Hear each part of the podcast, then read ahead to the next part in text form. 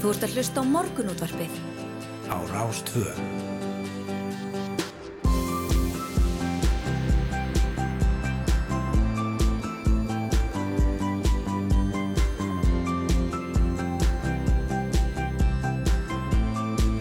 Morgunútvarpið Á Rástvö. Góðan og blessaðan daginn. Það er morgunúttarpið sem helsar uh, í dag er 50 dagurinn 28. júli. Rúna Robertsson og uh, Felix Bergsson mættir á vaktina. Já, uh, og kátir að vanda, Já, já, nema hvað. nema hvað. Um, það er, um, er nú svona blöytt á okkur í höfuborginni, í Já, og blöytt í gær, fréttir í gær af, af ferðamönnum sem að elskuðu rigninguna og þókuna. Sá hann að viðtal við uh, eitt sem sagði, sko, ég var koma á 36 stöðum í bandarækjanum Já, og þetta er æðislegt. Já, maður fekk strax mikið, mikla ást á Twitter, svo ég. Já, já, já. Svo var hörku leikur í fótbolltarum í gerð hjá Stelpunum, Já, Þískaland og Frakland, en ég held nú að þjóðurinnir hafa nú uh, hana, verið vel að þessu konar. Er það þær voru betri. Já, Jú, en er ekki, er ekki ústildarleikurinn á Wembley 1966 að renna upp þar sem að englendingar verða heimsmeistara, nei, Evropamestara þessu tilfelli Ég er alls ekki þessum það. Nei. Þíska liðið sé betra heldur en ennska liðið. Já, það, ok, það á eftir að koma í ljós Það hér á væri sunnudaginn. Það verður svakalegu leikur og ég held að það verður svakalegu vonbreið í, í, á Breitland segjum ef englendingan ekki taka þetta ekki, já, sko. það verður bara það er í Englandi, sinnslega. báður samt í það að vera að spila heilt mót og tapa einu leik og það er ústildarleikur ef svo fer, Já, já, já, já. Englendingar hafa verið sigursælir Já, en þarna, það er bara ein, ein eh, Norrlanda þjóð sem fór tablösi gegnum mótið. Já, er höldum í þetta Við, ég sko það sannarlega, við munum, munum hérna, nú að mönnum þessu nasir. Já, Já, þannig að það er, það er, það er að sjást í íslenska. Já. Að því. já, já, uh, þrjú játefli Já, Já, já, eh, það sem við ætlum að gera í dag eh, við ætlum að fara um víðanvöll já. Og hérna Byrja á að ringja kópasker. Já, við ætlum að hengja á kópaskir. Já. Já, það hvað hvað- Það er- hvað er að gerast þar? Það er þessi búð, skerjakolla, Já, sem að landsfrægir íslendingar hafa verið að mæla með. já, Við viljum vita meira. Hvað Já. er svona merkilegt við þessa, við þessa, þessa melabúð þeirra þarna á kópskirinu? nákvæmlega. Svo heldum við okkur fyrir norðan eh, þar sem að við ætlum að forutnast þessum stöðuna hjá norðlenska flugfélaginu Nice Air Mm og bara hvernig hefur gengið og það hefur ekki aðtekli að sætanýtingin hefur aukist á milli mánuða núna, júni og júli og bara er miklu betri heldur en hjá til dæmis Play. Eru þeir farnir að fljúa á London? Nei. Það er ekki komið Nei, í gang. við spyrjum nánu út í það allt saman. Eh, en búin að bæta við Tenerife. Jú, já, allir á til Tenerife. Allir við- er að þangað. Erum við rollur eða fólk Já, íslendingar? það er stór spurning. Eh, síðan er það bránun jökla, við viljum vita meir um það og þá aðalega hvað það þýðir til framtíðar megum við búast til dæmis við tíðari eldsumbroti nú þegar farginu réttir á stórum eldstöðum en Rafnildur Hannesdóttir jöklafræðingur, hún ætlar að vera gestur okkar í morgunútvarpinu áður en hún heldur á eitthvað fótboltamót út á landi. Já, einmitt og, og uh, það sem að er náttúrulega vestlunum með helgi framundan þá höfum við þessa vikuna verið að heyra í, í uh, þeim sem að standað uh, út í háttíðum og koma því að einhverju leiti voru minni búkan í gær en, en í dag er það uh, skóar 22 Já. sem er fjölskyldu háttíð á vegum S.A.A. Akkurat. og ætlum að forðast um það um hálf nýju. Og svo er það uh, ný skálsaga sem að ber nafn uh, Sálarlagsins Vangjalaus, Já, hvorki meirinu minna. já, einmitt, Og af rauðu. Ha?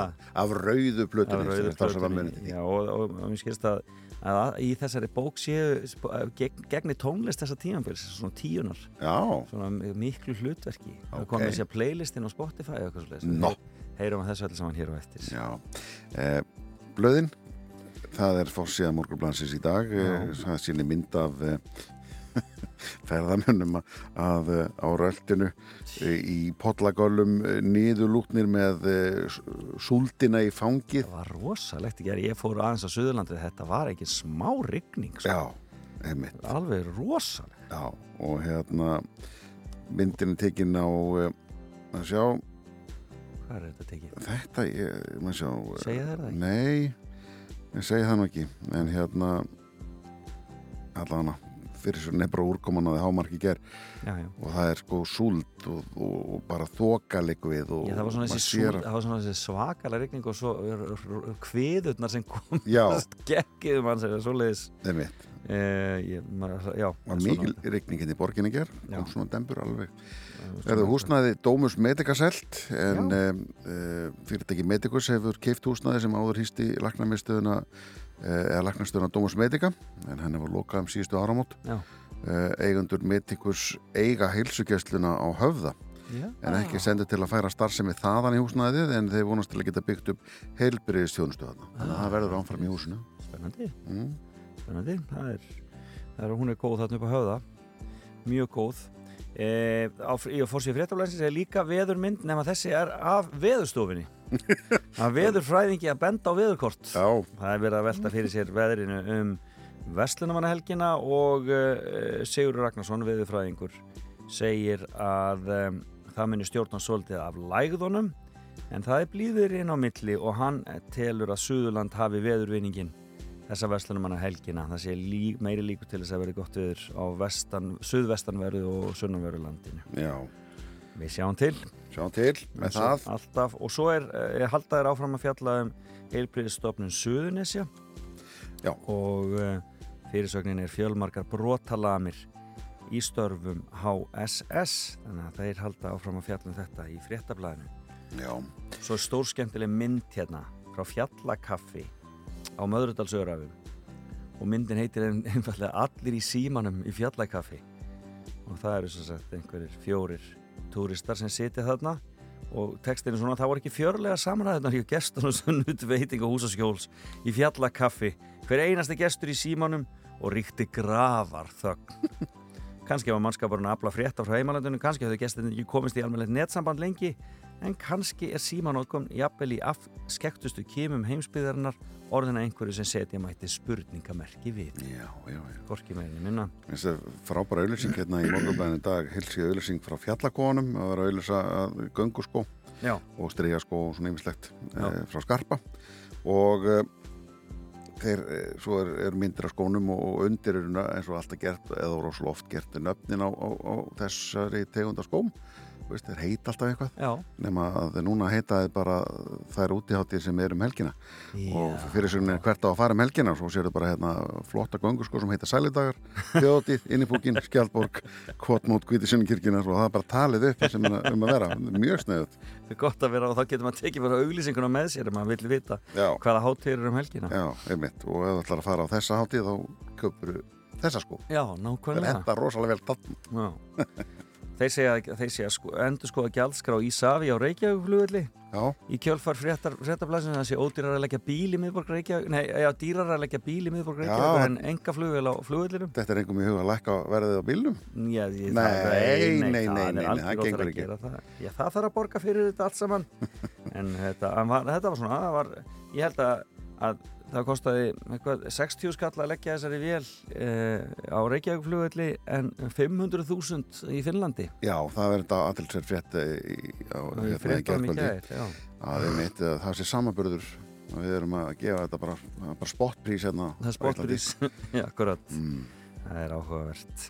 Þannig að það er ímslegt í blöðunum í dag. Svo var það marsjeppin við Hólurhund, sástu fréttir af því? Já, það var skemmtilegt í fréttunum í Já, gær. það var svona uh, kostar 400 miljónir þessi jeppi sem er hann 400 miljón já, bara.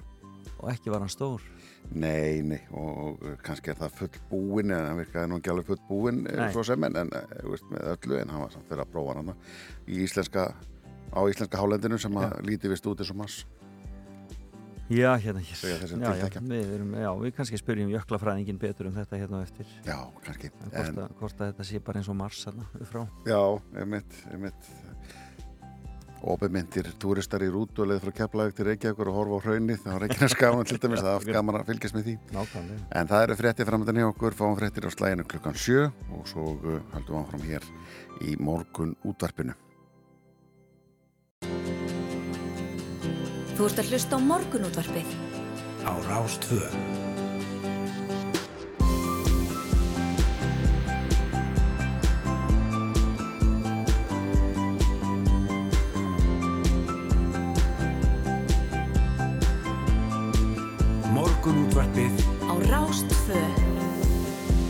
Rástfö held ég, eh, velkomin á fætur, eh, Rúnar Róbesson og Felix Bergsson með til klukka nýju þennan 50 dags morgun. Já, við ætlum að koma við það við í dag. Skerjakolla, ekki nafn sem margir þekkja. Komstóðin í vitund margra þegar landsfræðir Íslendinga fór að láta vita af hennu og kvöttu ferðamenn til að renna þar við. Skerjakolla er nefnilega maturverslun og hún er staðsett á Kópaskeri. Hvað gerir Skerjakollu svo merkilega? Við komumst að því og heyrumst í verslunumannum Birni Guðmundi Bjössinni Já, já, það verður áhugavert. Það verður áhugavert Uh, Aðtegli vakti þegar Norrlands flugfélag var sett á laginnar sem gerir út frá Akureyrarflugvelli. Byrjuna erfleikar hafa orðið eins og uh, hætti verið að fljúa til Breitlands vegna leifismála. En uh, sætarindíkin hefur hins vegar verið góð og jógst til að mynda í júli frá júni en næsir var með 69% sætarindík á fyrsta starfsmánuði sínum sem var júni en sætarindíka sem að verið júli er 86%. Næsir flýgur áallanarflug frá Akureyri til Köpnafnar og Tenerife auk þess sem að leiguflug hafa verið áberandi í starfseminni þar sem hafi sumri og til að segja ykkur aðeins af starfseminni og framtíðinni á félaginu heyru við í frangvandastjórunum Þorvaldi Lúðvík Sigur Jónssoni eh, hann verður á línunni svona rétt rúmlega halvóta Frettir hafa borast að gríðalari bráðnun jökla á Íslandi og rýrnun þeirra talin einn skýrasta vísbendingin um hlínandi loftslag. Í fyrra hopaði til dæmis skeiðarárjökull um heila 400 metra. En hvað þýðir þetta til framtíðar? Megum við til dæmis búast í tíðari eldursumbrotum nú þegar farginu léttir af stórum eldstöðum. Hún Rafnildur Hannesdóttir sem er jöklafræðingur hjá veðustofinu verður gestur í morgunútarfinu. 400 metrar á einu ári, þetta er ekkert smáraði Það er bara ekkert smáræði, þetta er bara hræðilega tölur. Já Hræðilega tölur. Morgunúttarpið heldur áfram yfirferð, yfirferð sinni um þær hátíði sem búður upp á um landalt eh, um þessa helgi, eða næstu helgi. Langt í frá tæmandi listi hjá okkur en í dag forvöftnistum uh, við um fjölskyldaháttíðina Skóa 22 sem er á vegum S.A.A. og er eins og gefur að skilja edru hátíð. Til að segja okkur af því sem þar fyrir fram kemur til okkar Stefan Pálsson frá S.A.A. Gott mál. Og lagið Vangjalaus með sálinni hefur nú fengið nýtt hlutverk því það er miðpunktur í nýri skáldsögu eftir íttöfundin Átna Átnason. Það er ekki nóg með það heldur spilar tónlist tíuna stóra rullu í sögunni. Árni kemur í morgunúttorpi vopnaða skáldsögunni nýju og einni nýri útgáfa læginu góða með hljómsettinni Mouth to Mouth. Já, það bara til að heyra hvernig við taka á þessu lagi. Nákvæmlega, þetta er svona klassísk, sálar, sálar smellur. Heldur betur, uh, hér á eftir ætlum við að uh, renna þessi yfir veðrið svona nánar en uh, fyrsta lag dagsins á Magnús Dór Sigmundsson og þetta er nú síkildur smetlu frá honum frá því í gamla daga, hefum ekki að segja það Þetta er Blue Jean Queen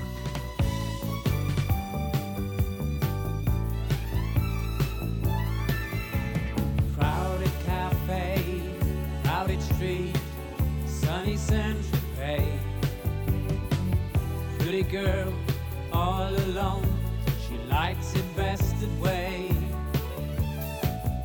Pays a bill, leaves a table, while he makes a breeze. Man look up, stare and wonder, who's that blue jean queen? Who's that blue jean queen? Who's that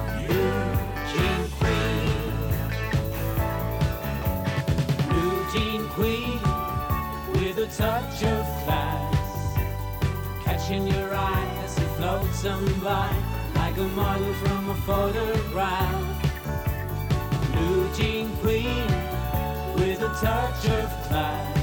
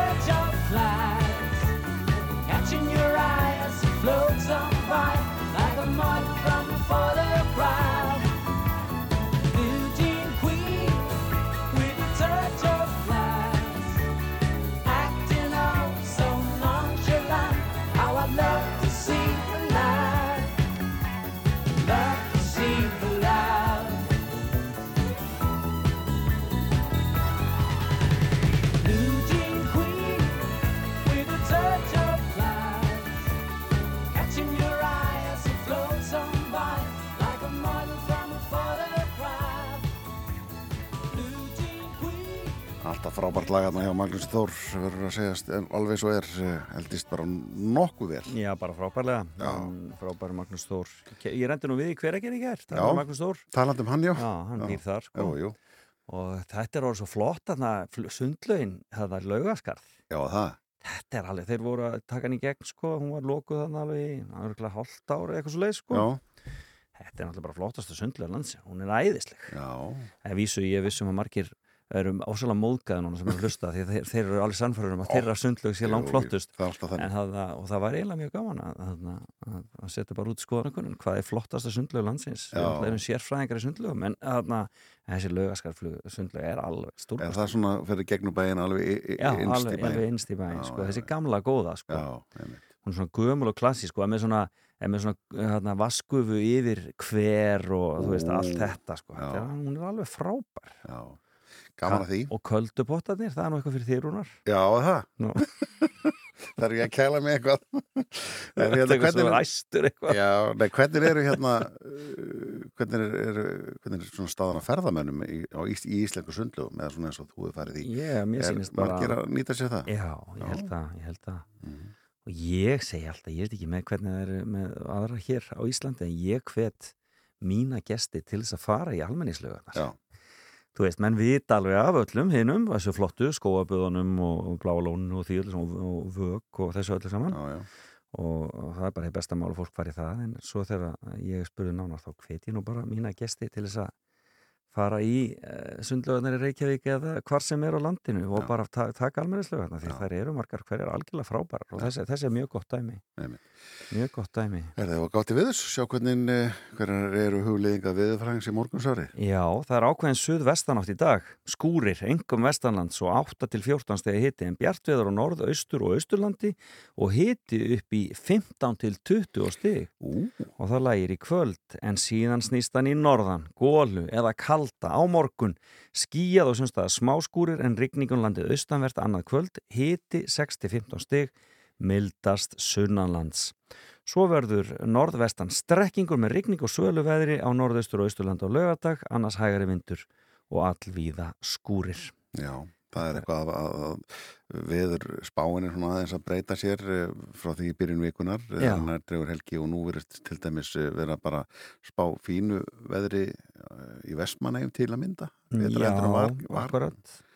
Það er svona aðspurning með rokið sko, Já, vindin, hvernig það er. Já, hvernig hann gefur hann inn í herra Það er eins og það er. Og Já. við horfum á höfuborgarsvæðinu suðvestan 5-10 metrar á sekundu og smá skúrir hægar í kvöld en norðan 5-10 og þurft síðdeis og morgun hiti 8-12 stig. Það eru við það Þar höfum við það. Já, ætlum að eh, halda fram hér og það er hún Laufi Lín sem á næsta leikin hjá okkur í tónlistinni Everything I Know About Love Þetta er alveg glænýtt hér hjá okkur Flott lag hjá henni Æðisleg.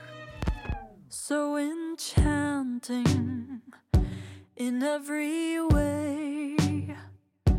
It's everlasting every obsession, rose bouquets.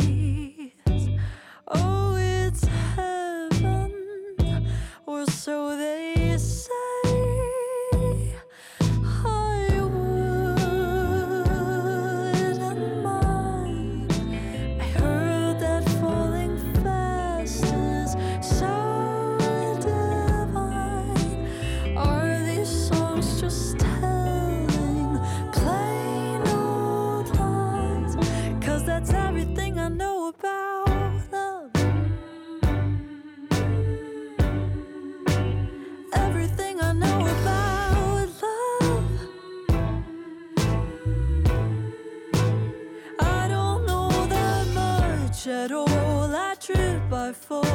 Every time I try,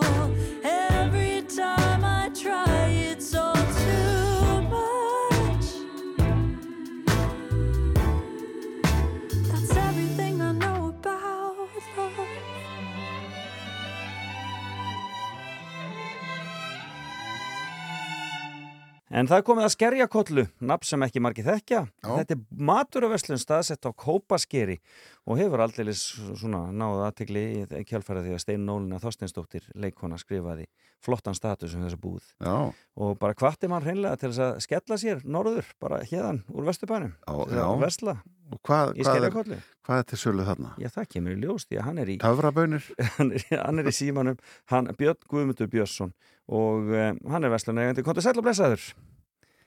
Já, komið sælir. Komið sæl. Hvernig er, er, er, er veðrið hjá þér á Kópaskeri þennan morgunin svona, svo við byrjum þar? Það er nú bara óvenju gott. Það er sól og, og frekar hlýtt. Já, dásamlegt. Það er búið að vera frá eitthvað risjótt sumarið, skilst mér, í Já, veðrinu. þetta er okkur hegnist fyrir síðasta sumarhelgi. Já, það er svolítið, já, já. Já, mitt, þetta hefnir sín. Þetta, já, sagt er. þannig hefur það, þannig hefur það. Heyrðu, eh, skerjakolla, hvað ertu búin að lera að reyka þessa búð lengi? Við keftum þessa búði og konu mín Violetta í november í fyrra. Já. Og þannig að Þá þið eru voru hjón búin að vera með þetta í 7-8 ára og standa sig vel. Já, og þetta, og það sem er kannski merkjast er að þið eruð að flytja inn, þið eruð að flytja sjálf inn maturuna sem þið eruð að selja, það er mikið af því sem þið eruð að selja þarna.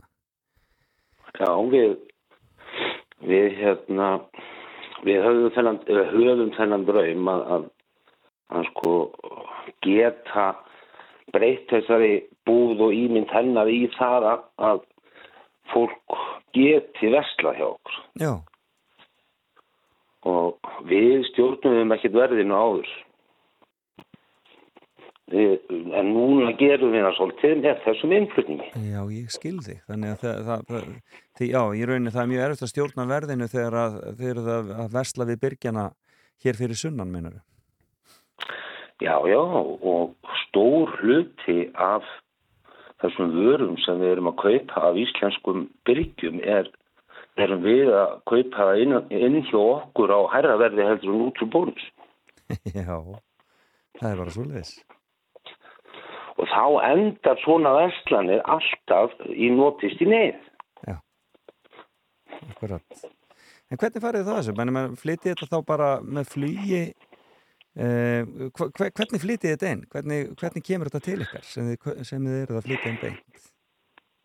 Og kona mín er búlgorsk Já, og, og hérna, hún setti sér í samband við Birgja út í Búlgaríu já, og við svona fikruðum okkur, eða hún fikraði sig áfram þar og og úr var það við fórum á töluðum við uh, fjóra fimm byrgja. Já, og við, ég, sá, við sá, ég sá það strax að, að gámaflutningur uh, var ekki bóði því að byðtími á gámaflutningi eru margi mánuðir svo við gáttum ekki farið í það. Einmitt. Svo við söndum við vöruhúsið úti að keira vöruna til Rotterdam. Ok, og, og þaðan, þar höfum við tvo, tvo möguleika, annars vegar hérna, smerilæn uh og svo eimskip. Já. Og svo kemur þetta bara enga. Já. Þetta er svona og er tíu daga, Tíu dagar, já. tíu daga. Já. Já. Þannig að þið þurfum að hugsa vel, svolítið vel fram í tíman hvernig þið sjáu fyrir ykkur að... Já, já. gera það. Og hvernig vörur, vörur þetta? Þetta er náttúrulega hljóta að vera einhverja vörur sem að við þekkjum almennt ekki eða hvað? Allan að tegundir? Já, eiginlega alltaf þeim. Já. Og eins og til dæmis hvað? uh, sumt, sum merkjavara, það er ekkert sem stendur í vegi fyrir því að við flytjum inn Kellogg's eða KitKat eða, Nei, Það er bara svo hliðis. en, en, en það, það er tiltölulega dýrvara úti. Já, akkurat, ég skil. Þannig að en, þeir, eru- það er til þess að fá ólífur, þarna segir hún, hráskingur Já, já. og allskins niðursögur sem að, þarna, sem að séu mjög fínar. Já, þetta er bara hágjaða vara og, þetta er mikið niðursóði grammenti, þetta er salgeti, þetta er, þetta er uh, svona, já, allir ávesti bara niðursónir og kjöpbólur í dós og þetta eru svona um 500 vörutegundir. Já, hérna, minna. þetta er skemmtilegt. Og svo eru þið líka með heitan mat í hátinu, þið hafið tíma til þess. Við erum, hluti af verslunni á okkur eru veitingastæðar Já, ég skil. Og við bjóðum upp á heitan mat í hádegin og kvöldin Já. fyrir þá sem, sem vilja uh, panta eins og verktaka á svæðinu og þeir sem eru svona. En svo erum við náttúrulega bara með pizzur og hambúrgara og matseli og Já. fiskibólur og Þetta er almennilegt. Sko. Er, hvernig er, er, er uh, ströymur ferðamanna á Kópasker? það, það er bara búið að vera mjög gott í júli. Já, En, en júni var ekkert sérstakur. nei, ekki mikið fólki þá á ferðinni. Nei, En Íslendingarnir, eru Íslendingarnir á ferðinni? Er, eru Íslenskir? mjög lítið. Já, nú er allir komin bara til Tenerife. Það er Já, næsir, þeir eru að senda allir til Tenerife. Núna, er ekki þannig? Ha, Jú, jú. það er eitthvað svo leiðis. En dreymir ekki allavega veðu fara á Íslandi núna í Európu? Jú, jú, það Jú. mér heyrist það. Það var þannig í fréttunum í gær, menn glöttust yfir rigningunni. En þarna, eh, en, en, en, en fáið þið mikið af eh, lokal fólkinu líka? Ég meina, fa- úr öðrum bæjum í kring og svo leiðis til ykkar? Sko þessi skrif stein á ólinu náttúrulega vakti upp svona forvitni hjá Já. fólki og, og, og það hefur verið að koma mikið fólk til okkar og skoða og, og, og hérna það er líka bara það sem kannski þurfti því að því að það, það dettur engum í hug að við séum með einhver, einhverja vörur á einhverju svipuðu verð og bónus Já, akkurat. Nei, en, en það er bara staðrindin sumar vörur eru það já, Já, þið náið því með þessu. Já. Alveg briljant. já. Já, svona er hægt að gera þetta. Það er gaman að þessu. Sendið þið nokkuð út á land? Við erum ekki byrjuð, byrjuð á því en, en, Veit, en veit, við erum náttúrulega alltaf að, að fikra okkur svona áfram og, og við erum ekkert við fáum aðra sendingu í næstu viku og Og fá, fáið alltaf, er- kaupið alltaf sama einn eða er, er þið að, að, að rótira einhverjum vöruflokkum? Hvernig virkar þetta? jú, jú, það kemur alveg fullt af nýjum örum Já, og, og, hérna, og við sjáum náttúrulega núna líka hvað, hvað fer og hvað ekki Já, akkurat. Akkurat. og það sem fer satt að það náttúrulega eru alveg óhætti að kaupa inn og, já. Þú, þú ert ekki og það, sem var, það sem fór strax Já, það var svolítið það var, við, við fluttum inn tveggja og þryggja lítra gós í, í, í 6-7 bræðtegundum og það fór strax? Það fór strax. Já, það er allan ágætt að heyra það að þú ert ekki að stunda viðskiptahætti eins og maður heyrði hérna í gamla dag af, af kaupmannum sem að sagði það þýðir ekkert að kaupa þetta, þetta sérst alltaf upp. Þýðir ekkert að panta það inn. Þetta klárast bara. þetta klárast bara. Alltaf að fylla hillina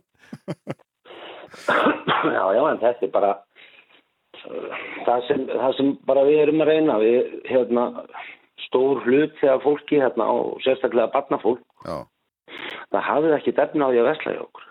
Já, það, það er bara staðrendin og nú hefur vöruðar farið upp frá því við kaupum búðina í november í fyrra. Ég hugsi ég megi segja svona 25-30%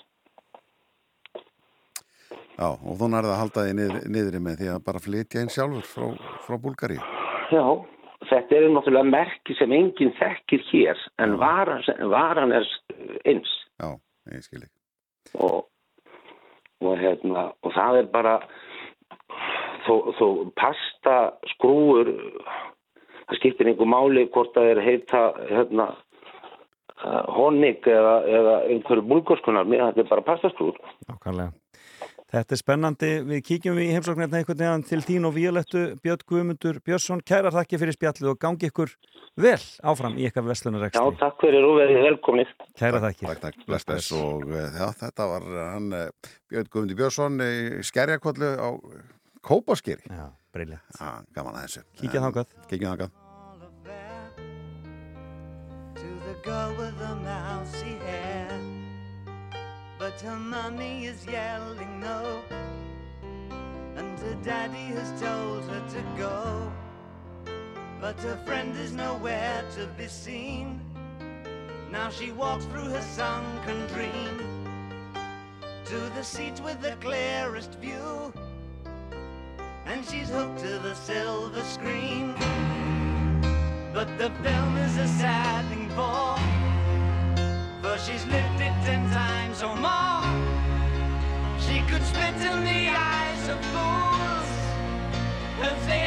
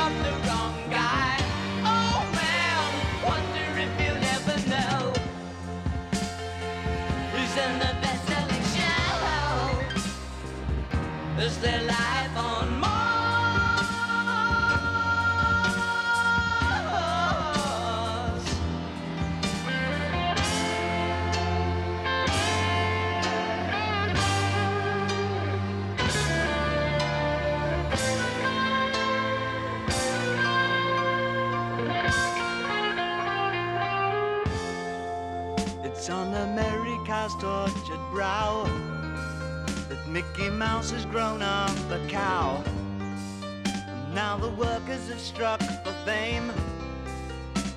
Cause Lennon's on sale again. See the mice in their million hordes. From Ibiza to the Norfolk Broads.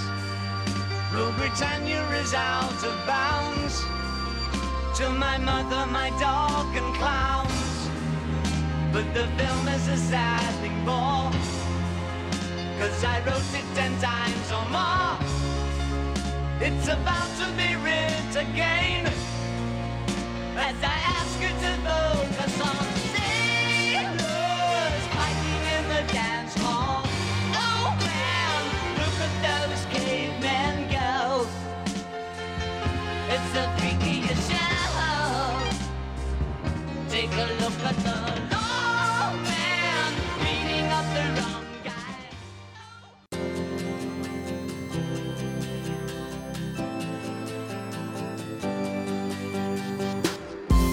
Að hlusta á morgunútvarpið á Rástvö.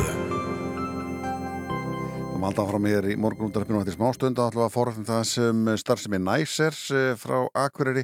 Þeir eru að gera út frá Akureyri og fljúa til Kaupmannhafnan og Tenerife og ætlum að hann Þorvald, Þorvaldi frangvöldastjóra hér og eftir er svo eitt lag eða, eða svo og, og e, það lag mun vera með drengjarum í, í dykta. Haukur Heiðar átti afmæli gær söngvari og e, hann var færtugur.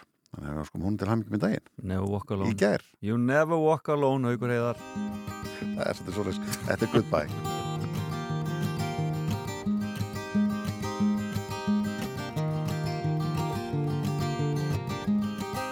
Avoiding thoughts about the afterlife, hiding my face from the light. The window closed, nowhere inside.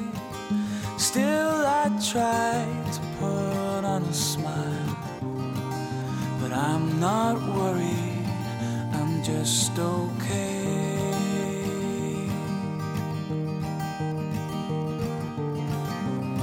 I washed off all my sins today. But I'm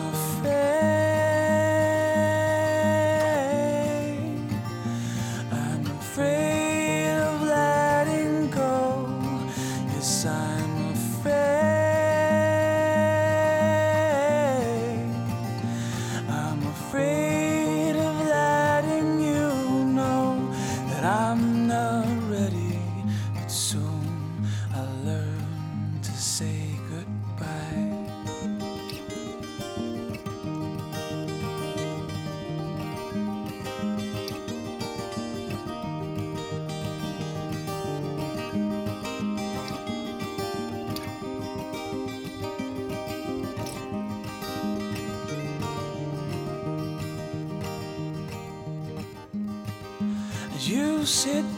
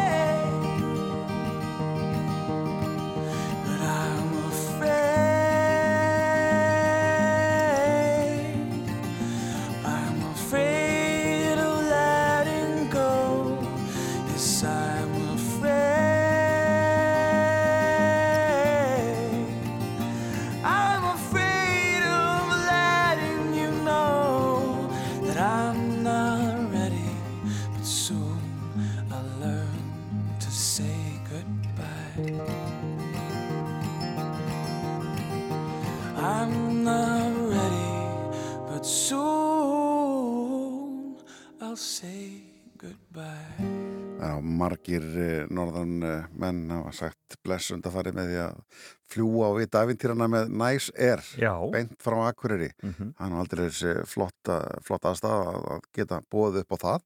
En uh, það hefur vak- vaktið mikla aðdegli þegar að þetta flugfélag fóra af, af stað og gerði út frá og gerir út frá Akureyri flugvelli og við ætlum svona þessum bara hvernig hefur gengið. Uh, það er náttúrulega ymsið nökra komið upp eins og gengur þegar að vera starta einhverju svona. Og línunni okkur er frangvendastjóri Næser, Þorvaldur Lúðvík Sigur Jónsson góðan daginn Sælir. Hvern, hvern, hvernig hefur þetta gengið? Þetta- hefur þetta verið svona eins og þið byggust við eða gengið betur eða verð? Sko, ég held svona bara, heilt yfir við höfum að segja að það hefur gengið bara betur en við vorum að, að búast við. Já, Við erum, eh, hérna, það er alveg auðvitað að við erum að koma inn, held ég, á ágætlega heppilum tíma mörguleiti. Það er uppsöfnu ferðarþörf og svo kemur hérna við, svo tekur við eitthvað kuldasumar og er rauninni bara halgjör vósbúð búin að vera frá því við fórum að stað. Sumarið sem aldrei kom eh, er, er bara ekki ennþá farið. já, Já, og, og allt þetta, allt hjálpar þetta til fólk, þetta vil bara komast í, í sól og hlýju Já. og, og hérna og um, eins og ég segi, já, við reiknum með lágri sætarnýtingu og svona og hóflegri, já, hóflegri hérna, nýtingu á vilni basically, en hérna svo hefur komið á daginn að sætarnýtingin hefur bara verið mun, mun betri heldur en við bjögumst við og og svo hafa komið upp allskyns aukaverkefni líka með þessu af því að það hefur verið nokkuð fordæmalust ástand á flugvöllum í Evrópu og bara meðal flugfélaga. Núna eftir að, að COVID eh, í rauninni e, eftir COVID faradrinum ef ekki segja lauk eða, eða að fóru í mikla reynun að þá einfallega vantar flugliða út um allan heim. Já, og flugfélag hafa verið vandræðum eins og fólk hefur líklegast fylgst með. Einmitt. og það hefur þýtt að það var skapist tækifæri fyrir svona litla, litla flugreikendur eins og okkur. Kallið ykkur flugfélag, eru þið, eru þið flugfélag eða eh, Já, við, við náttúrulega færum fólk frá A til B milli landa og, og það er náttúrulega okkar aðal starfsemi en flugrekstrarlifi okkar er í Európa-sambandinu já, er ekki, ekki, ekki á Íslandi í rauninni eða hvað eða, en ekki á Íslandi. Nei. Nei. Og, og, og þið lendi í smá vesinni með Bretland, byrjaði allir að Akkúrat fljúa til það, Bretland. Það er eitthvað tengt þessu? Já, já, það er tengt þessu að Breitland fór úr Európa-sambandinu eins og þekkt er með hérna, broti og bramli eh, í Brexit og í kjölfari gera þær tvílega samninga við lönd eins og Ísland og síðan við hérna, Európa-sambandið og þetta, þarna lendum við aðeins upp á milli en ég vona að það sé nú í, í góðum farfi bara við munum leysa það fyrir vetturinn. Já, eh, hafið þið hugsað ykkur að byrja þá á haustinu eða hvað? Já, við hérna sko eitt, eitt helsti hérna markaðurinn fyrir ferðamenn til Íslands og sérstaklega til Norður Íslands eru brettar sem að koma að skoða eh, ég vil ekki segja Norðurljósin og Íslandska vetturinn auk þess sem að, að hérna vetturinn er að markan hátt ákjósanlegri fyrir norðan einfallega út því að sömur er svo ásittið á öllu hótelplási. Hótel á, á Norðurlandi get bara eiginlega lefnir að fullir það og, og jáfnver víðar hérna austur eftir er einfallega uppselt yfir Já, einmitt. og þess vegna er, henni, er þetta aldrei erfitt að vera að bjóða fólki heim til sín og eiga ekkert gistýringi þannig að það er frekar hægt yfir vetartíma þannig að við búumst við aldrei miklu að vetrinu hvað þetta var það Og hvað, á hvaða flugveld munið þið fljúa í, í, í London? Það er minningin að fara á, á allavega Manchester Já. og svo erum við að skoða með, með starfstöð hvort þú heldur því ekki áfram eins og, eins og tilstóð. Já. En þetta er svona skýrist á allra næstu vikum. En svo náttú- náttúrulega þarf að koma Íslandingun til það þarf að vera beinar, beinar fluglegir þangað og líka frá Norðurlandi. Jú, jú, aldeilis og hérna, ég er endar, hérna, ég er ekkert hissa á því að fólk vilji fá smá, smá hérna, sól og byrtu eða bara hi- hitta á vil. Hérna, vegna þess að veðri hefur alltaf verið alveg ótrúlega svona eh, leiðilegt. Það er bara búið að vera liggja hér í norðanáttum og, og skýta kulda í allt sumar fyrst.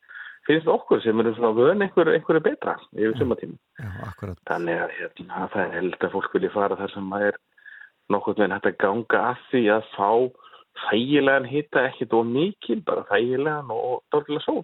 D-vitamin í kroppin.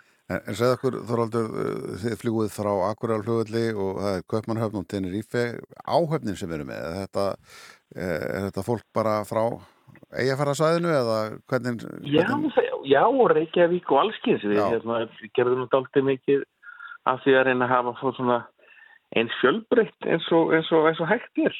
Bara allskins fólk sem að, hérna, er, er hjá okkur bæði aftur og svo eru reyndar strákarnir uh, fram í það er hérna það er, við erum ekki ennþá komið með kvennflugmann en, en það verður vonandi breyting á því en uh, þeir eru hérna úr grendinni og svo erum við með flugstjóra sem eru á ymsum þjóðverðin.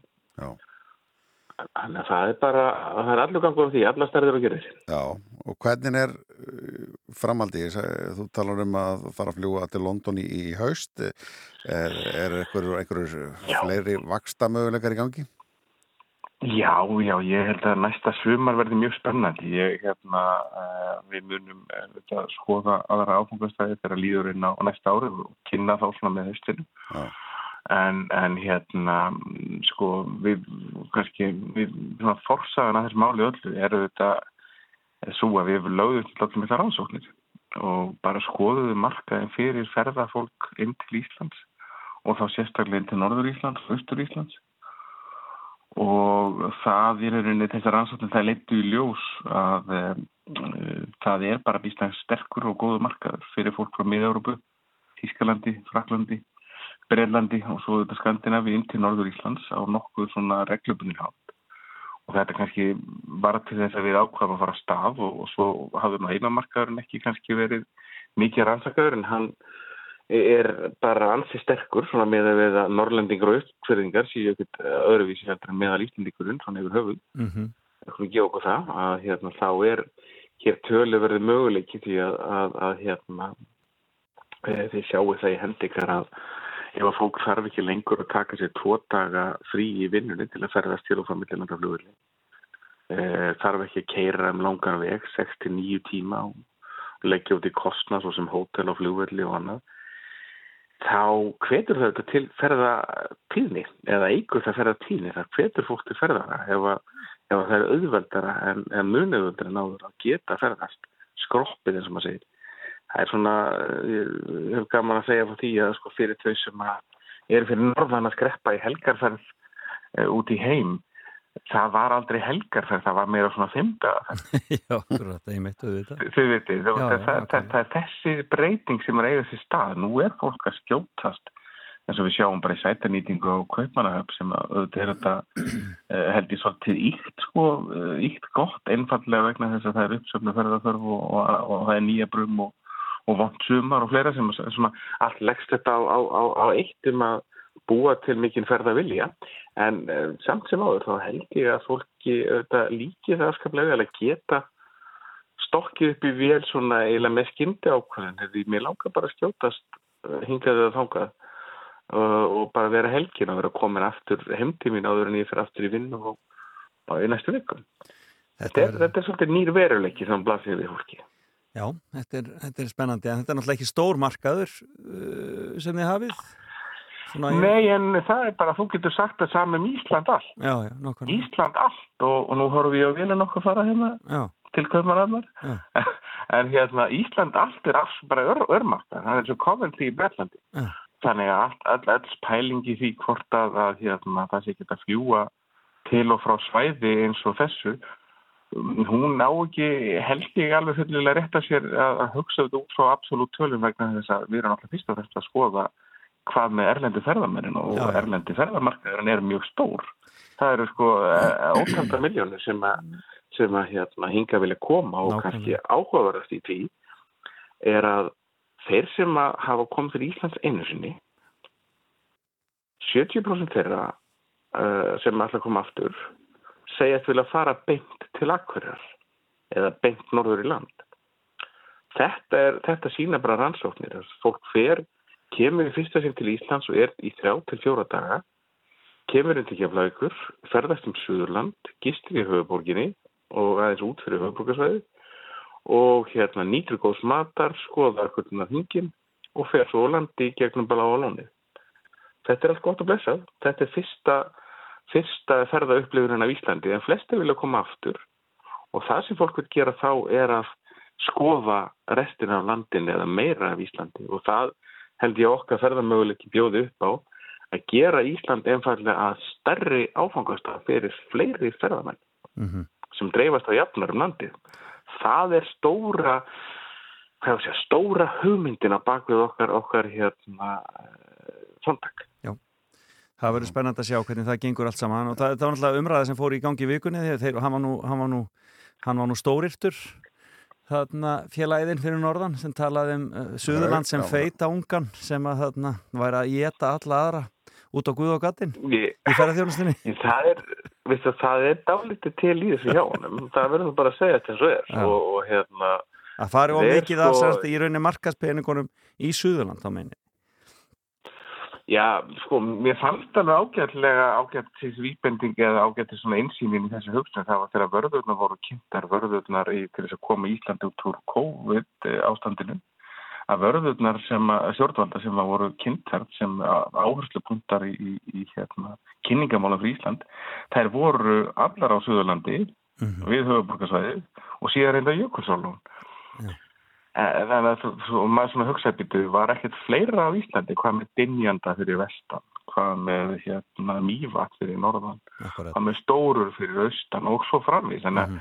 maður svona, maður svona, það er því miður dálítið nærsýni sem að hefur einkent þessa nálgun á kynningu á landinu okkar sem að auðvitað var búið að valda ákveðinu ofbeitt af ferðarfólki. Fólk stappaðist saman á sömu þúfuna á söðu vesturhóðninu eh, rétt fyrir COVID og það var tölfur umræð um þetta eins og þið eru glæða munni. nákvæmlega Þannig að ég er svona að vona eftir COVID og, og, og hérna út úr COVIDinu þá verði betri áhersla og menn beri gefið til að sjá það að við erum ekki, það er aldrei verið að taka frá einu meðan einu. Þetta er miklu frekar um að reyna að stækka kökuna fyrir fleiri, bæði fleiri ferðamenn og fleiri fyrirtæki og haghafa hérna heima til þess að, að njóta góðs af. Já, þannig að þú ert eiginlega sammála þráni Lárusinni sem er uh, sá sem að sagði þetta, hann er eigandi í ferðarþjónustu á Austurlandi og hann bara auðvitað brínum breytingum í þessu stefnu uh, hjá hann um ópera að dreifa þessu betur úr landi.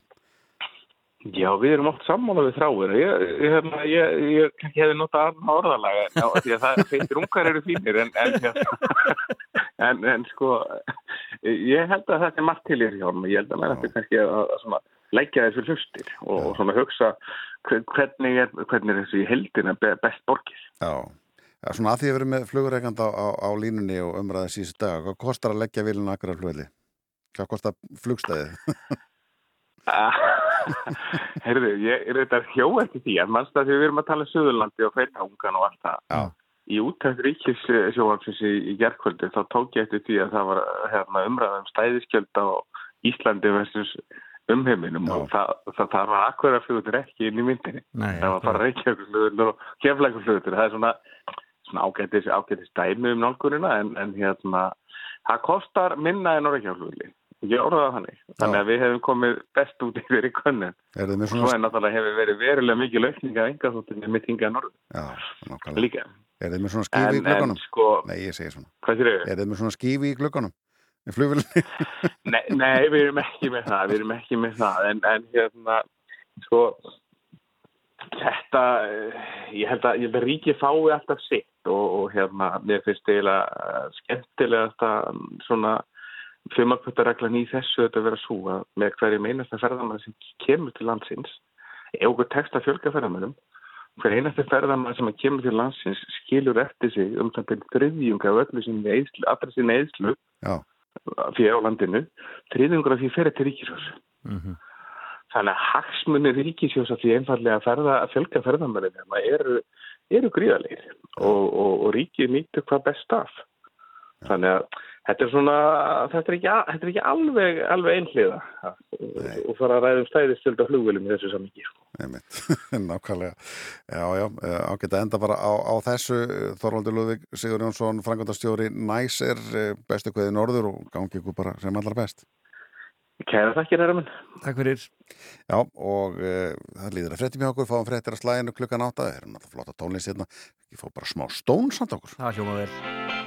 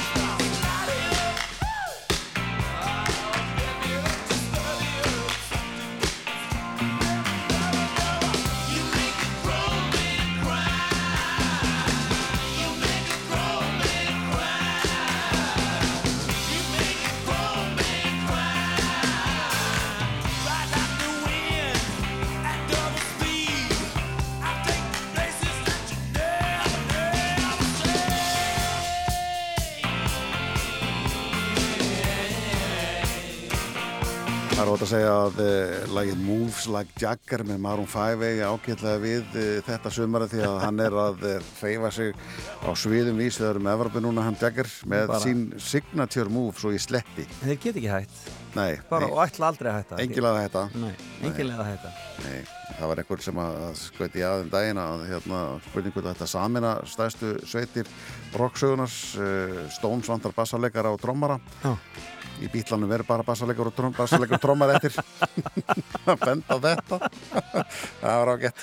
Æjæjæ, það er ágætt. Þetta- Er, Ertu búin að sjá Elvis myndina? Ég er búin að sjá Elvis og nautanar í botn. Mér finnst það rosalega gaman. Já, vel hætnuð Ég elskar hann Bas Lúrmann já. þessa, þessa, þessa yfir hlöðnu þarna, stemningu. En þér, hvernig fannst þér? Ég er ekki búin að sjá hana Nei, og hún- á það eftir.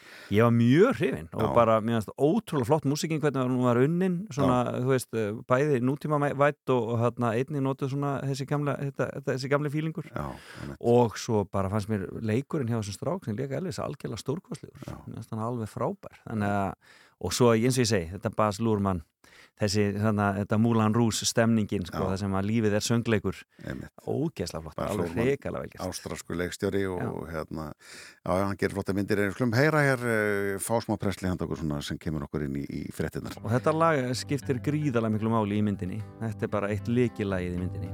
We're caught in a trap. I can't walk out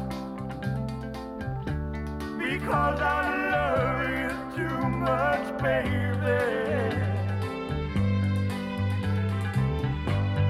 Why can't you see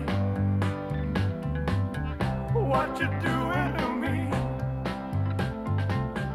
when you don't believe a word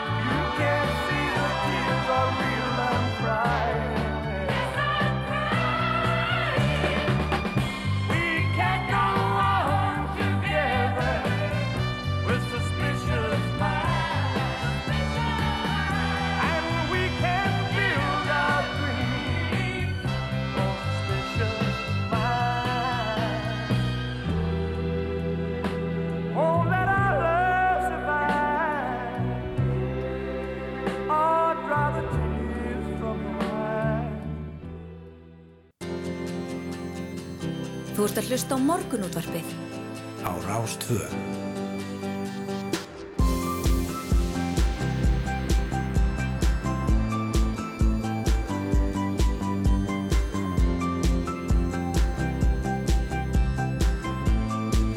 Morgunútvarpið á Rástfö Takk fyrir að vera með okkur Felix Bergson og Rúnar Róbertsson með til klukkan nýju þennan 50. morgun 28. júli í dag svona að það vantar að vita dagsetninguna Já, akkurat. Það bara svolítið svo leys klukkan farin að ganga nýju klukkan taka alla, bópa, alla pa- pakkan Allan pakkan og það er, al- það er bara rosalega skrítið við og, og þar við höfum við það. Já, þar höfum við það. Þannig að e, merkilega sér frétt með þetta nýja bóluefni sem á að taka bara allar koronavirur. Já. Og jafnvel kvef. Ó, við varum, varum komið með Bóluefni gegn kvefi. Já. Ég veit það ekki. Þá bara kemur eitthvað annað Já, nákvæmlega. Þetta Úr, ein, úr einhverju verðum við að deyja eins og maðurinn sagði. Já, já, þetta er eins og hann sagði við okkur í morgun hann eh, Björn á Kópaskeri þetta hefni sín þetta hefni sín það, það, það var, var tala um veður í fyrra, já, ég veit það, hefndi sín núna. En það er spurning hvort að það sé saman núna þegar við læknum þetta allt saman Já. með einhverju einu bólefni og þetta hefni sín Nákvæmlega, en við ætlum að fara að tala aðeins um jöklan okkar hér eftir smástund. Já, það er nefnilega málið eh, þegar ske- skeiðar á jökull eh, hópar um heila 400 metra á einu ári það hljóta ringja og margar bjöllur og ættu að ringja hæ- herra, finnist manni. Vísbendingar um hnattræna hlínun eru mjög skýrar. Já, við ætlum að fræðast að þessum uh, skóar 22 sem er fjölskyldaháttið við vegum S.A.A. og eftir og uh, svo er það uh, ný skaldsaga sem við ætlum að uh, forrætnast um og með þeirri skaldsugu fylgir tónlist.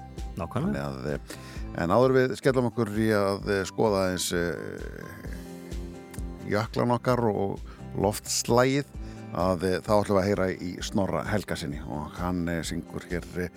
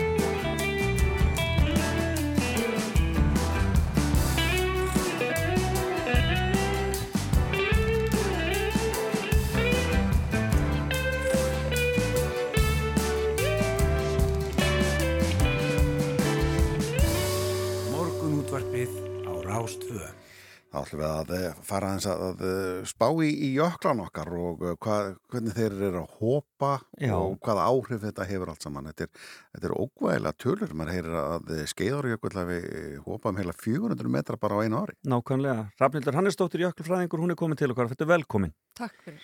Eh, já, kannski fyrst, hva, hva, hvaða tölur er þetta sem við fengum þarna?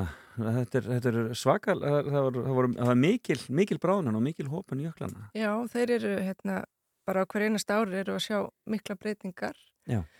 á bara langflestum jöklum landsins og hérna við settum nú smá varnagla við akkurat þessa tölu í þessu fréttabrifi sem kemur út árlega. Já.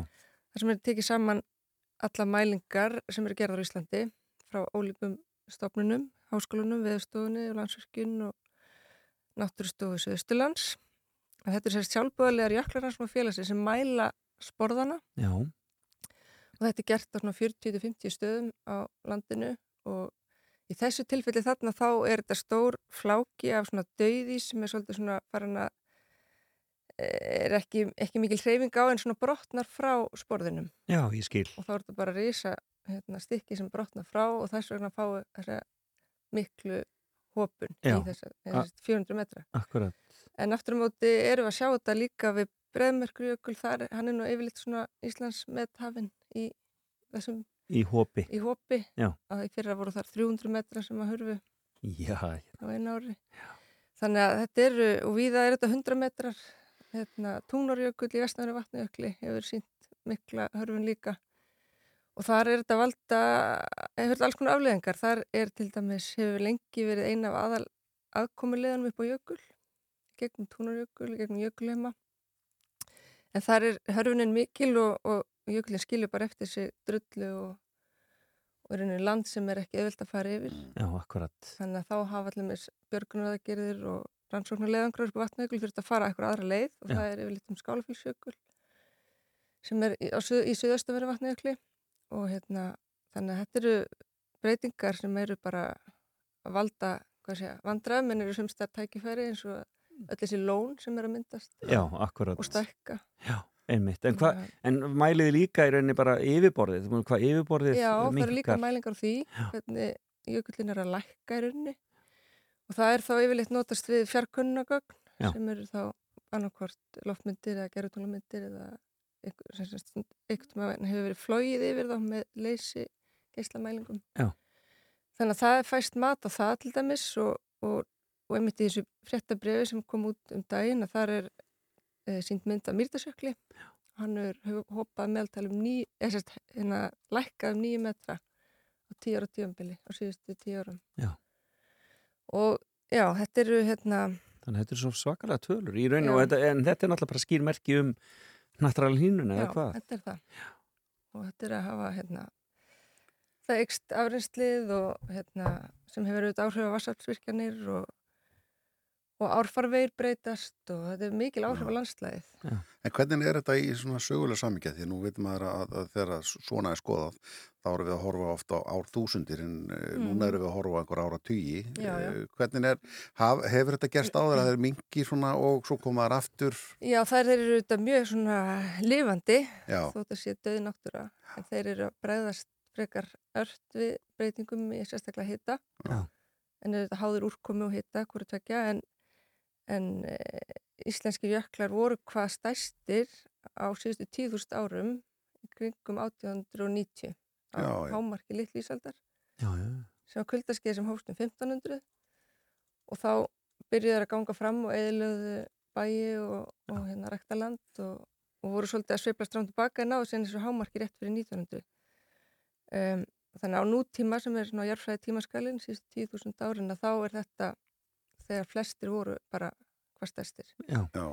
auðvitað hafa þeir verið að minka áður og það eru sveiflur á 20-stöldinni sem að sína svipaðan hörfunarhraða en, en hérna, það sem er kannski sérstakt núna er bara hvað, þetta eru rosalega hraðar breytingar Já. Já.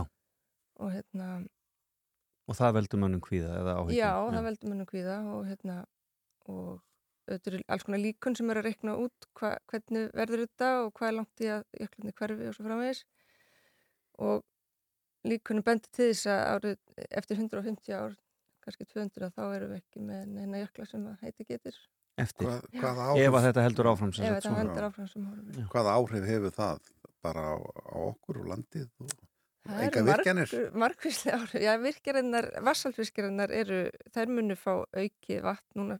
Já, í smá stund og svo þeir eru framtíð horfnir. 2050 og svo mingar það. Og, Já. já. Þannig að þá fyrir að fara að horfa á sjóin og vindorku og eitthvað annað. En þetta er bara, ég held að þetta sé líka bara svona, hvað segja, einkenni eða svona eitthvað mikið afl í landslæni sem við kennum okkur við. Já. Þannig að ég held að þetta sé svolítið svona identity, ég veit ekki hvað ég segja. Já. Já. En svo, er, en svo er þessar uh, auka verkanir sem geta orðið eins og þegar að, að, að farginu léttir af stórum Já. eldstöðum. Mm. Er það raunveruleg hætta?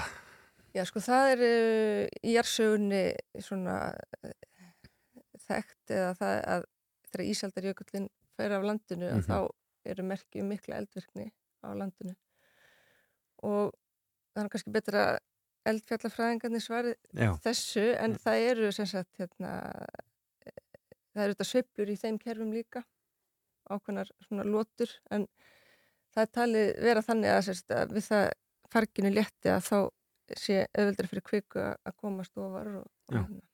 Og svo náttúrulega eftir því sem þið brána meira og þá kólnar kringur landið, hafið.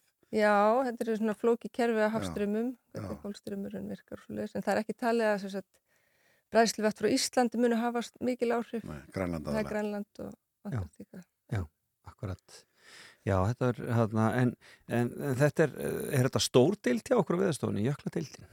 Þannig að, E, við erum e, fimm, cirka, já, og hérna, en þetta er náttúrulega ekki kannski mjög stór hópur svona á landinu en við vinnum bara náið saman með hérna, háskólanum og landsverkjun og svo eru svona einmenningsstæðar út á landi líka sem að, þannig að við reynum nú að halda verið saman liði og þess að halda utan um alla mælingarnar já, fylgjast vel með þessu. Já. Og, hérna, og, og halda okkur upplýsnum um þetta allt saman. En Já. sko, eh, hvað þarf til að snúa þessari þróun við? Já, það er eitthvað allserjar alheims átak Já. til þess að gera það Við erum ekki bjassin. Mm. Ég veit það ekki alveg. Ég, þegar ég öðlega smá trú, meiri trú á mannkynið í COVID, Já, en það er eins og við gerum þetta bara alltaf í einhverjum skorpum. Þetta verður einhvern veginn ekki alveg, alveg í gegn, ég veit það ekki. Nei. Ég, hérna, flokkum rusl í smá tíma hættum að fljúa þetta árið. Svo kemur bara, hættu COVID og allir farin til Ítali. já, nákvæmlega. Og, og glæðjast yfir því að það sé hitabilgja. Já, kannski. Já, En, en við erum sérst búin að búa til, ef ég má koma á því að framfæri, sérst svona með samstilt átaki búið að búa til nýja síðu sem heitir íslenski jöklar.is Já. og þar eru hægt að nálgast alla mælingarna. akkurat, og fylgjast vel með þessu. Þannig að fyrir almenningi er gaman að kíkja þar inn, það er alls konar ljósmyndir og, og svona samanbyrðamyndir fyrir og eftir. Elstu myndir sem eru til af jöklum Íslands eru frá því um 1890 sem er ummitt þegar þeir voru mjög stórir. Mm Þannig að þar getur maður svona séð þetta svart. Já. Hvað hefur gerst á þessum hundrað árum? Mm. Já, rúmlega hundrað árum. Rúmlega, já. Rúmlega hundrað árum. Já, það verður um, áhugavert og daldið, daldið skelvilegt að fylgjast með þessu Já. áfram. Ef, ef að fólk ætlar að skella sér upp á, á jökul og fara að æfa sér fyrir það þá hafa það 150 ár. Já, akkurat. Þarna, uh, en annað, ég menna verða jöklarnir ekki hættulegri líka svona þegar þeir, þeir, þeir minka þetta. Ég Jú, menna verður er- ekki hættulegra að fara á jökul. Jú, það er sko, það er kannski aðalega, hérna, eða þú ert að fara upp á sporðin, að þar er, hérna, erum við að sjá kannski svona, ekki, ekki að segja nýja náttúru vá, en það er við það að jöklarnir hörfi og sífriri minkar að þá eru fjálslíðar orðnar óstöðari, þannig að aðhaldið frá jöklunum sem að þeir hafa svona haldið dölunum svona í skefjum að, að við erum að sjá eitthvað tíðna á, á hérna, að hrinur úr hlíðunum og það var náttúrulega bergklaup hann á Morsójökul og Sýnafossjökul og þannig að það er aðeins vera meira vakandi auga fyrir þessu Já. Hvað, hérna, og það er náttúrulega á þessum stöðum er það sem að ferðamenninir safnast saman þannig um tíma hefur verið og er ennþá hérna, bann við því að fara á Sýnafossjökul þar er stór sprunga upp á heiði Já. þannig að þetta eru á sama tíma og allir er dragast að jöklunum og þá er þarna líka Já, hættur svona. hættur sko. En að fara upp á jökulin sjálfan er, það eru þekktar ferðarleiðir og það eru útbúin sprungukort, Já. það sem er svona litakóði, það er lægi að fara hér en alls ekki hér Já, einmitt. en eftir því sem að hlínar þá kannski bránar fyrr og það er allavega hérna, hættur sko Og hvað er undir þessu jöklum? Er þetta, er þetta fjöll bara? Eða? já, það er fjöll Það er bara fjöll hérna- undir þeim, já. til mjög hérna fallega og frekar nákvæm bótt kort af öllum jöklum landsins. En skemmtilegt, og er það inn á íslenskijökla.is? Nei, það er ekki komið þangað en það, það er að skoða þessu kort til dæmis í bókina Helga Björnssonar Akkurat. Jöklar Íslands. Já. Þannig að við vitum svona við hverjum að búast til þetta. Já. Þegar fara. Þeir fara. Þetta er, en þetta er mjög sláandi þessar ljósmyndir sem eru hérna inn á þessari heim vefsíðu sem þú varst að segja Mhm. okkur frá íslenskijöklar.is og mjög þarna, merkilegt að sjá. Já. En uh, þetta verður, verður umræða sem mun halda áfram. Það er engin spurning. Uh, Rafnildur Hannesdóttir Jöklarsanningur, kæra þakki fyrir komuna til okkar í morgunúttarfið. Takk fyrir mig.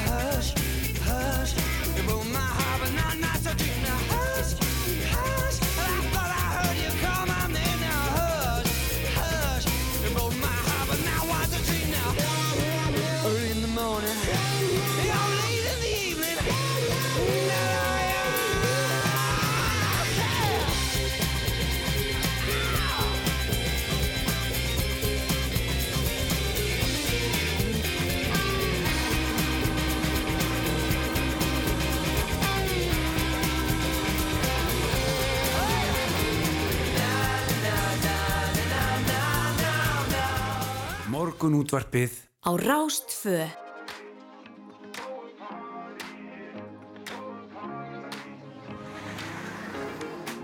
But she moves like lightning, and she counts to three.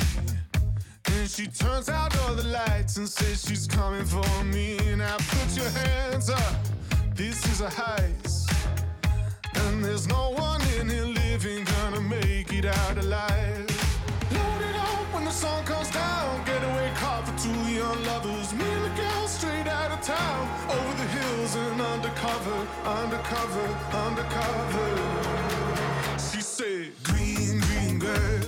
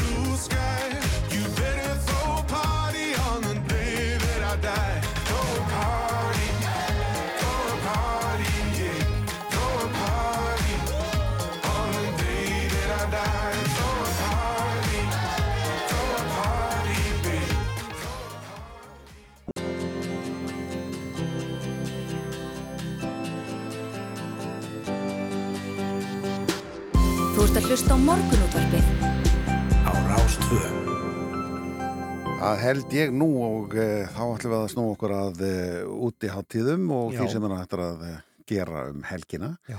Til dæmis er á skóum ný háttíð, eða sem hún er ekki verið á skóum áður held ég, það er fjölskyldaháttíðin Skóar 22 á vegum S.A.A. og Stefán Pálsson frá S.A.A. mætti til okkar velkomin. Herru, takk fyrir. Er, er ekki rétt þetta er fyrstskipt á skóum? Jú, jú, það er, það er rétt sjöður, rétt til geti, en við höfum haldið háttíð áður, en það er fyrir 12 árum síðan eitthvað svo leiðis. Nú, það er svona síðan. Þannig að við erum svona aðeins að endurvekja, endurvekja það. Já, þessar, þessar edru hátíðir. Já. Þarna, uh, hvar á skóum er þetta? Er þetta uh, hvar verðið þið? Staðsett? Já, staðsett. Þetta er sagt uh, það sem Hótel Kverná er, Já. uh, gamli skólinn. Einmitt.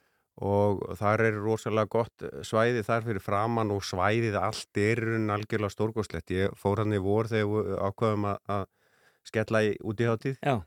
Og ég fjall alveg fyrir svæðinu. Þetta er rosalega fallegt og, og svo líka það að við erum með flotta daskar og en svo líka bara svo margt að gera það ná þessu svæði. Þetta er náttúrulega bara ofsalega fallegt þarna. Já, og- gönguferðir og, og náttúrulega Já. safnið er frábært. Byggðasafnið er, Já. er þarna og, og svo er hestarlega þarna rétt hjá og náttúrulega skóafósinn og, og, og svo lengi mætti telja sko þannig að- að já, og þið eigið að fá besta veðrið, segja þér núna? Herðu, jú, það er bara Þannig að hérna, veðurkvöðnir eru góðir við okkur þannig að, að hérna, já, það verður stórkostlegt veður á skóum Já, og á bíla stappa Já, yfir hérna Ölusafrúna það verður, það verður eitthvað þar en, en ef, við- ef við ekki taka þetta þannig að þetta reddast allt Já, saman nákvæmlega, Já. þetta mun allt saman ganga. Já. Hvernig er það eh, fyrir það sem alltaf að mæta eh, það er vantarlega einhver miðarsala fyrirfram og ég Já. er vona þá á morgum sjáu þið það á sölur, Já, já, það er alveg, en fólk er náttúrulega að ákveða sig svona alveg undir að síðasta út af, eins og Felix af líka veðri spilar inn í og, og hérna, en við með miðasölinn á Tix og ég hvet alla bara til þess að vera búin að kaupa sér miða á þeirra að leggja á stað já. og svo er náttúrulega við, miðasæla bara við engangin eða á staðinum, sko. Þannig að, að, hérna, já, það er náttúrulega betra að vera bara búin að að tryggja sér, tryggja sér miða á þeirra að lagt er á stað, sko. Finnið að, að ykkar fólks í S.A.A. er spennt fyrir því að, að koma saman það sem að áfengi er ekki Já, ég til alveg þörf fyrir það að vera með út í hátíði sem að áfengir ekki við hönd og, og félagsmenn hafa tekið þessu vel þannig að, og bara aðrir þannig að allir velkomnir, ekki bara félagsmenn heldur bara allir sem vilja skemmta sér án áfengis og, og hérna í góðu veðri. Nákvæmlega, ekkurat. En, Hvað hva, hva, hva finnst þér um þar sem að eh, er verið að blanda saman? Börnum eða fjölskyldunar eru saman og það er hérna, áfengi spila stóra rullu?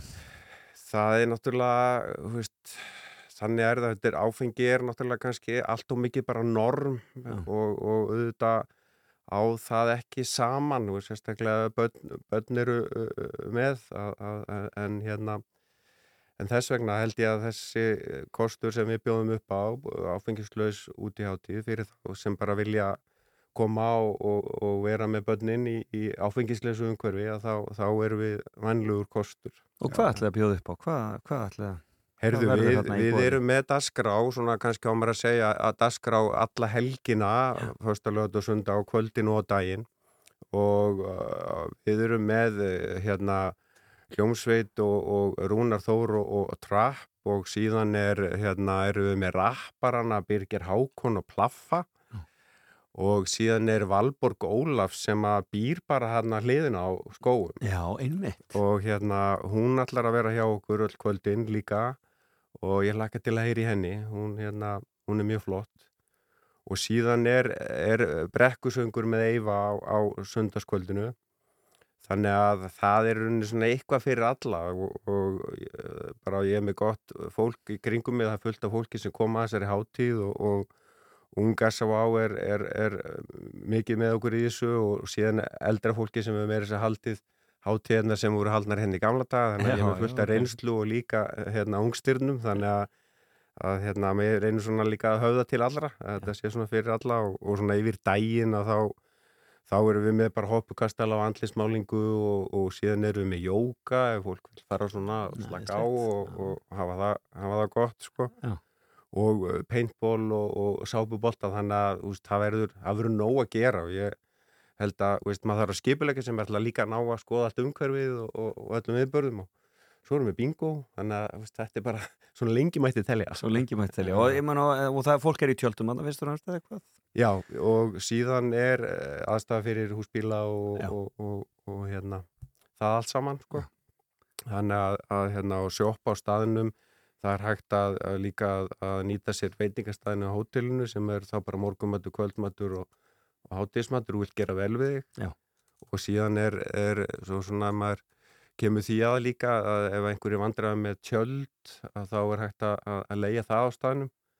Þannig að svona aðstæðan og, og, og, er, er mjög góð, það er allt, allt til alls. Er eitthvað hámark á hvað þið getið tekið á móti mörgum þarna? Já, Á við búumst, já, við búumst svona við 750 til 1000, það er svona sem að uh, talan sem að kannski er þarf að miða við. Já, einmitt. Og hérna, en eins og ég segi það, að hérna, það kemur í ljós á morgun og, um Nákvæmlega, nákvæmlega. og, og fólk getur komið líka, veist, eh, í einn dag, veist, það er dagpassi eins og öðrum hátíðum og, og, og ef það er eitthvað sérstakur viðburur eitthvað, það er bara komið heimsókn í dag, það er kannski Nákvæmlega. endilega verið alla helgina. En, Og hvar finnur fólk prógramið ef það vil kíkja á þetta hjá okkur? Er það inn á SAA.is? Já, það er inn á SA.is og Facebook síðinu líka, Já. Þannig að hérna, og við erum farið að setja bara svona fleiri upplýsingar þar inn núna í dag og morgun og, og halda áfram að undirbúa, þetta er, þetta er mörg handtökin. Nákvæmlega, nákvæmlega. Margt að munna og margt að gera. Margir sem koma aðeins í okkur, skipa ekki þetta eða Já, við erum, við erum svona teimi núna sem er í undirbúningnum en, en á, sta, á staðinum eru við með 20-30 manns sem að hérna, eru sjálfbóðaliðar og starfsmenn sem að uh, bara er utanum þetta með okkur og, og hérna við verðum öll mert blá og mjög okkur þannig að við þekkjumst frá, frá grátinu sko. Þetta verður skemmtilegt. Fylgjumst með ykkur áfram og verðum í sambandi pottjett um helgina hér á Rástu og takk. gangi ykkur vel. Takk félaga, Á skógum. takk.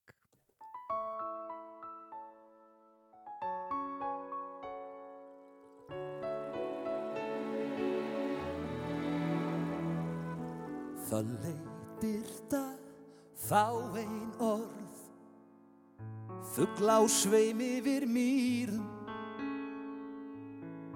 Þar sem þögnin ríkir ein Eins og vonin, eins og lífið. Þessi minn svo skýr og hrein. Fjöllin rísa feigðar grá Flest er bundið liðnum tíma. Það sem vegur þingst mér hjá Eins og vonin, eins og lífið. Þessi mikla eftir sjá. Eins og vonin, eins og lífið aðeins hægar síðum eins og vonin eins og lífið allt sem viltu sjá og heyra.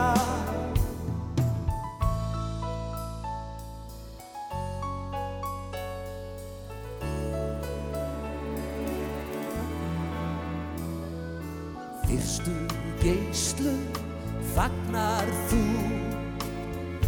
Fangi nætu Lingið ilmar lengi dags Eins og vonin, eins og lífið. Langt er nú til sólarlags. Eins og vonin, eins og lífið Aðeins hægar, síðum meira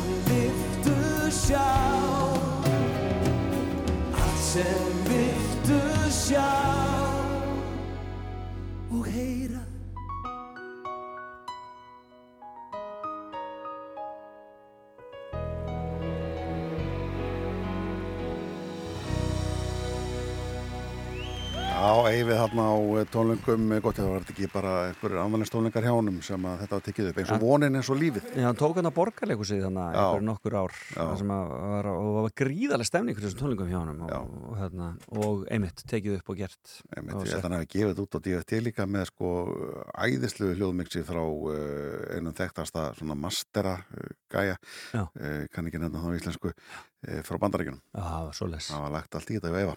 Gott að fá einhvern frá bandaríkjunum í þetta sko. Já, hann er búin að vera á held í annar einhverju plötu sá gæi, sko, Já, bara, veist, það er bara thriller og nefndu það, sko. Akkurat. Já, já.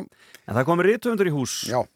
Það er um, hann Átni Átnason, hann er að gefa út skáldsögu sem að heitir Vangjalaus og um, er að sjálfsögðu þar vitnað í lag með sálinni frá tíunni og tónlist tíun að spila stóra rulli í sögunni og uh, það er meira sér búið að gefa út nýja útgáfu af þessu lagi, einmitt. Átni, velkomin. Takk.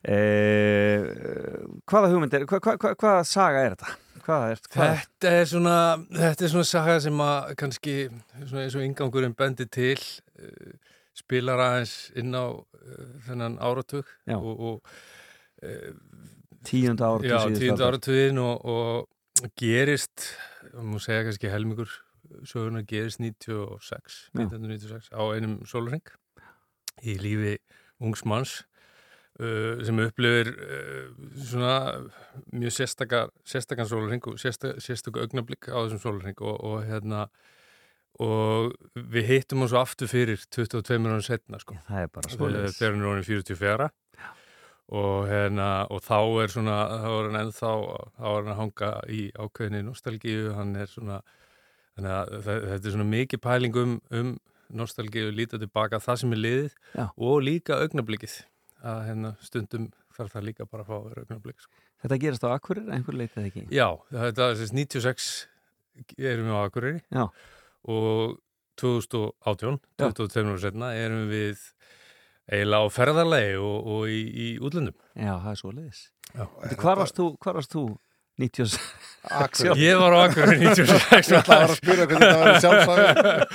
Byggt á eigin- Já, þetta er hérna þetta Er þetta sögur? Eðlileg spurning, Já. nei hérna, en það er nú alltaf eins og þegar maður skrifar skáldskap að þá náttúrulega sækir maður alltaf í eitthvað en nei, alls ekki Nei, akkurat. En þú, en þú hérna hefur ekki skrifað fyrir fullorna í rauninni áður? Nei.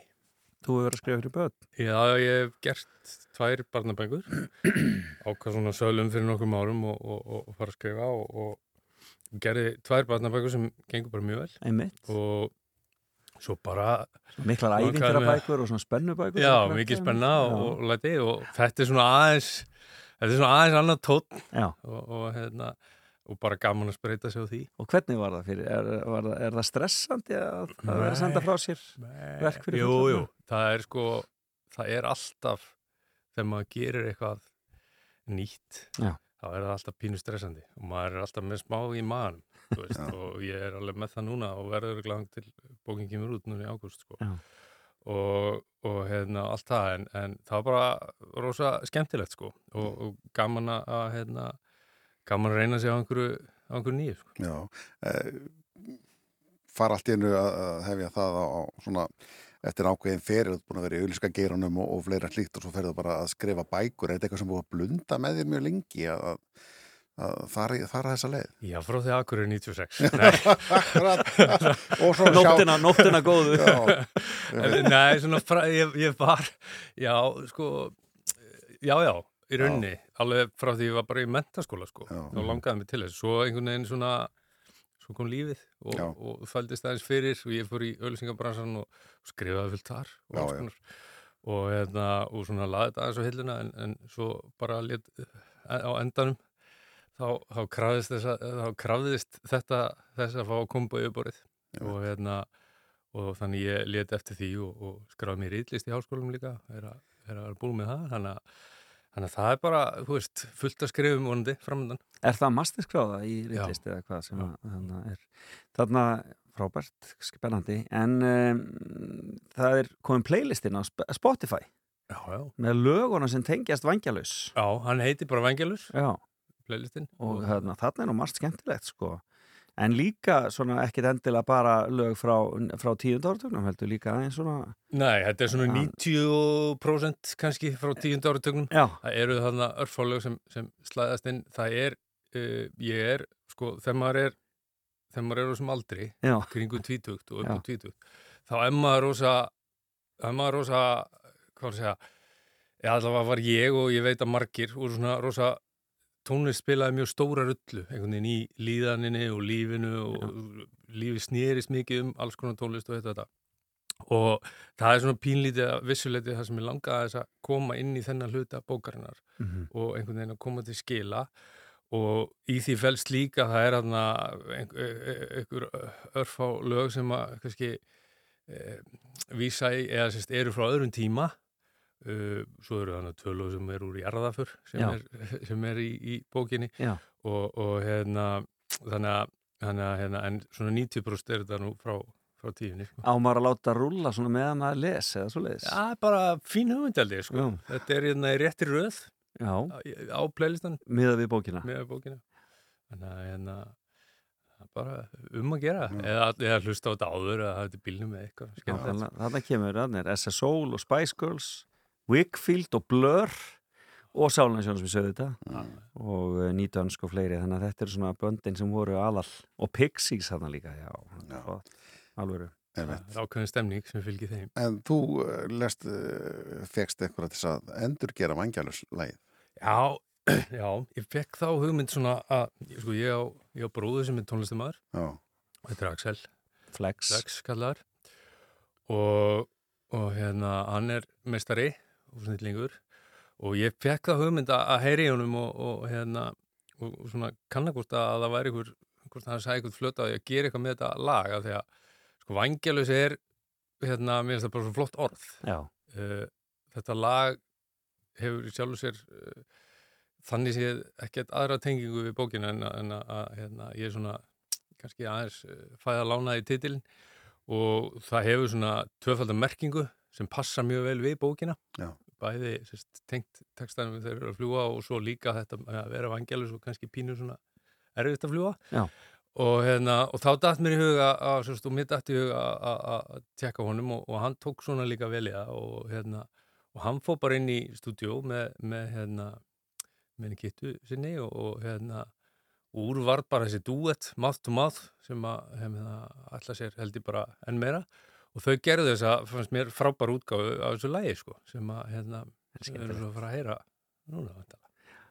Átni til hamingju með bókina sem kemur 9. ágúst eða ekki Jú, hún kemur 9. ágúst eða svona formlegur útgáðar Já. og lægið þetta verður komið á Spotify bara í dag held ég Já, það er komið, það er komið. til hamingju með þetta allt saman Takk, takk